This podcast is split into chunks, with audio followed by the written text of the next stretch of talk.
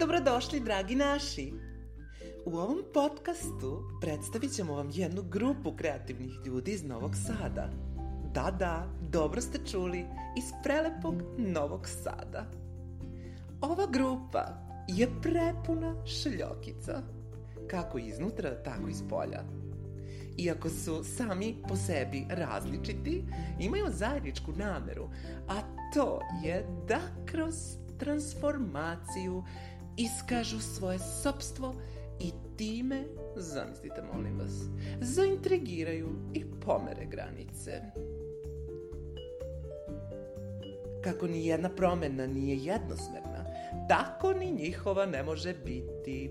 Jer za svaku promjenu je neophodna hrabrost, kreativnost i ono najvažnije, razmena energije.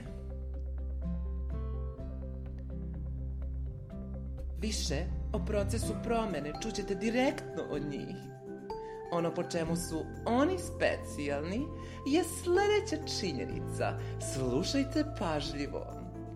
Oni se sastoje od tri kralja i tri kraljice, a zamislite ovo, ima ih samo pet.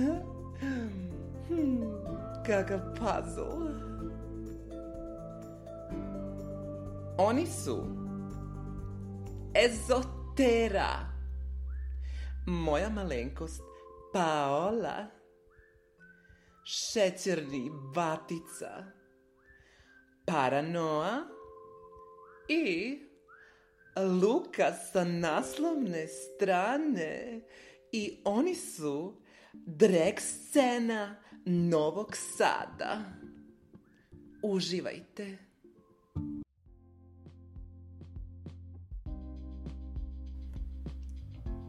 sa naslovne strane je verovatno nastao mnogo pre mog, to jest njegovog prvog nastupa, jer je on na neki način izraz mene same. Ime Luka je došlo iz toga što mi je jednom prilikom rečeno da, da sam rođena kao muško, moji bi me najverovatnije tako nazvali.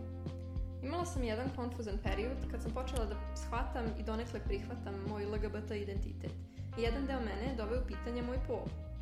Jedno vrijeme sam se smatrala gender fluidnom, jedno vrijeme sam razmišljala možda čak da tranzicioniram u muško, koristila sam ime Luka i samim tim sam nervirala i smetala nekima u svojoj okolini, što nije baš ok s njihove strane bilo. E, eventualno sam prihvatila da to što mi se sviđaju devojke ne znači da bi trebalo da sam muško ili da moram biti muško, a umeđu vremenu nekako i prerasla ta osjećanja disforije ili dismorfije ili što god da je to bilo.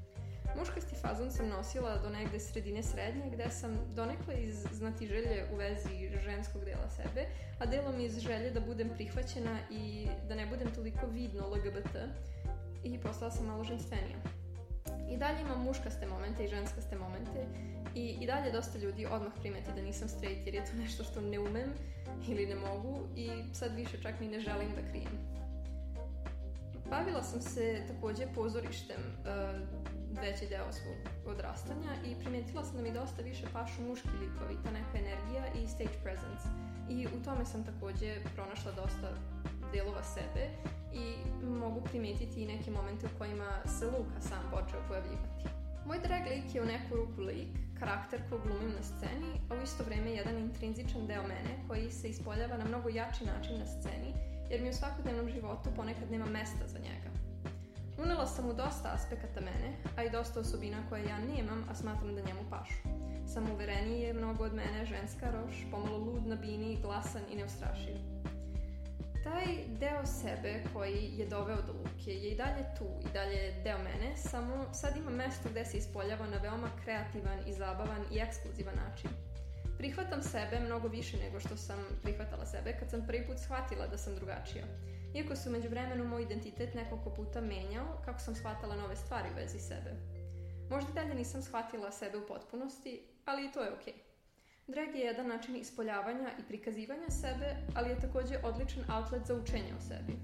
Mnogo sam više chill i go with the flow u vezi svog identiteta, što je mnogo velik napredak od 11-godišnjakinje koja je plakala u jastuk jer nije znala šta nije u redu s njom i zašto je drugačija od ostalih i zašto se ne osjeća isto kao ostali oko nje.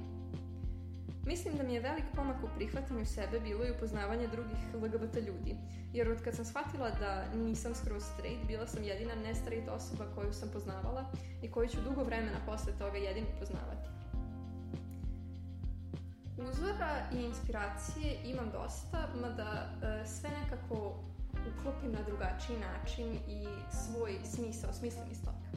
Ne znam ni odakle da počnem sa uzorima, tako da je najbolje početi od naših. Jedan od velikih uzora mi je definitivno Vlažena, jer je u velikoj meri uticala na to da se uopšte uključim u sve draga i da saznam za dregu kod nas. Zatim Dita i svi njeni stavovi i sama njena pojava i pogotovo njen aktivistički pogled na drag. Pogotovo Pride 2018. što mi je bio i prvi Pride ikada. Mogla bih reći i ceo KG jer je nastup sa njima bio bukvalno life changing i mnogo me naučio o drevu. Naravno, majka Lana V koja je jedna od najkreativnijih kraljica koje sam ikada videla i bukvalno je kao kameleon. Inspiraciju uzimam i iz Dre Kraljeva, mada većinski stranih jer nisam do sada upoznala neke naše.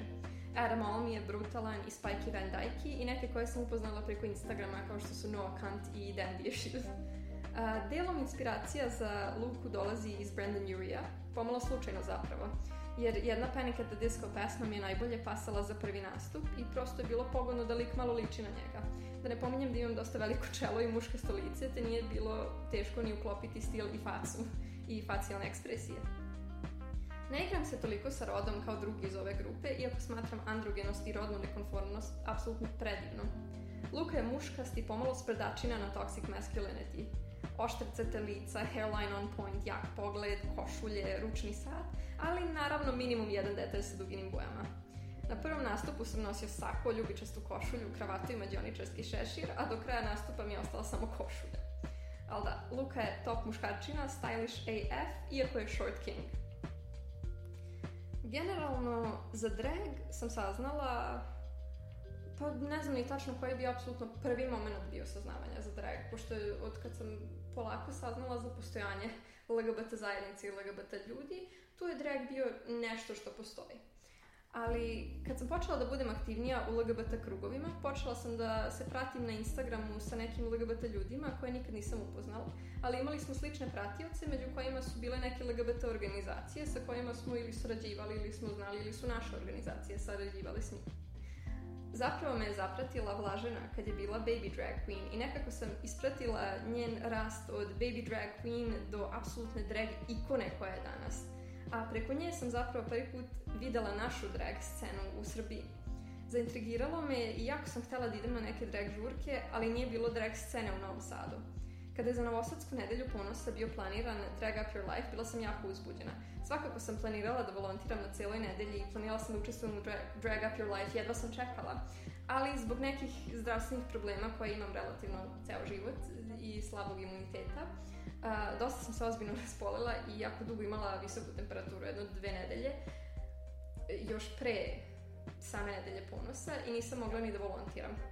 Mada te večeri kad je bio Drag Up Your Life sam se iskrala Eh, da bih pogledala par nastupa i bilo je bukvalno life changing i prelepo i znala sam da ću morati da učestvujem eh, sljedeći put kad god to bilo. Eh, jako sam se zaintrigirala za drag scenu generalno i u Srbiji i u cijelom svijetu i moj IRL in real life kum Batica i ja smo htjeli sa još nekim društvom da odemo na neku drag žurku u Beograd.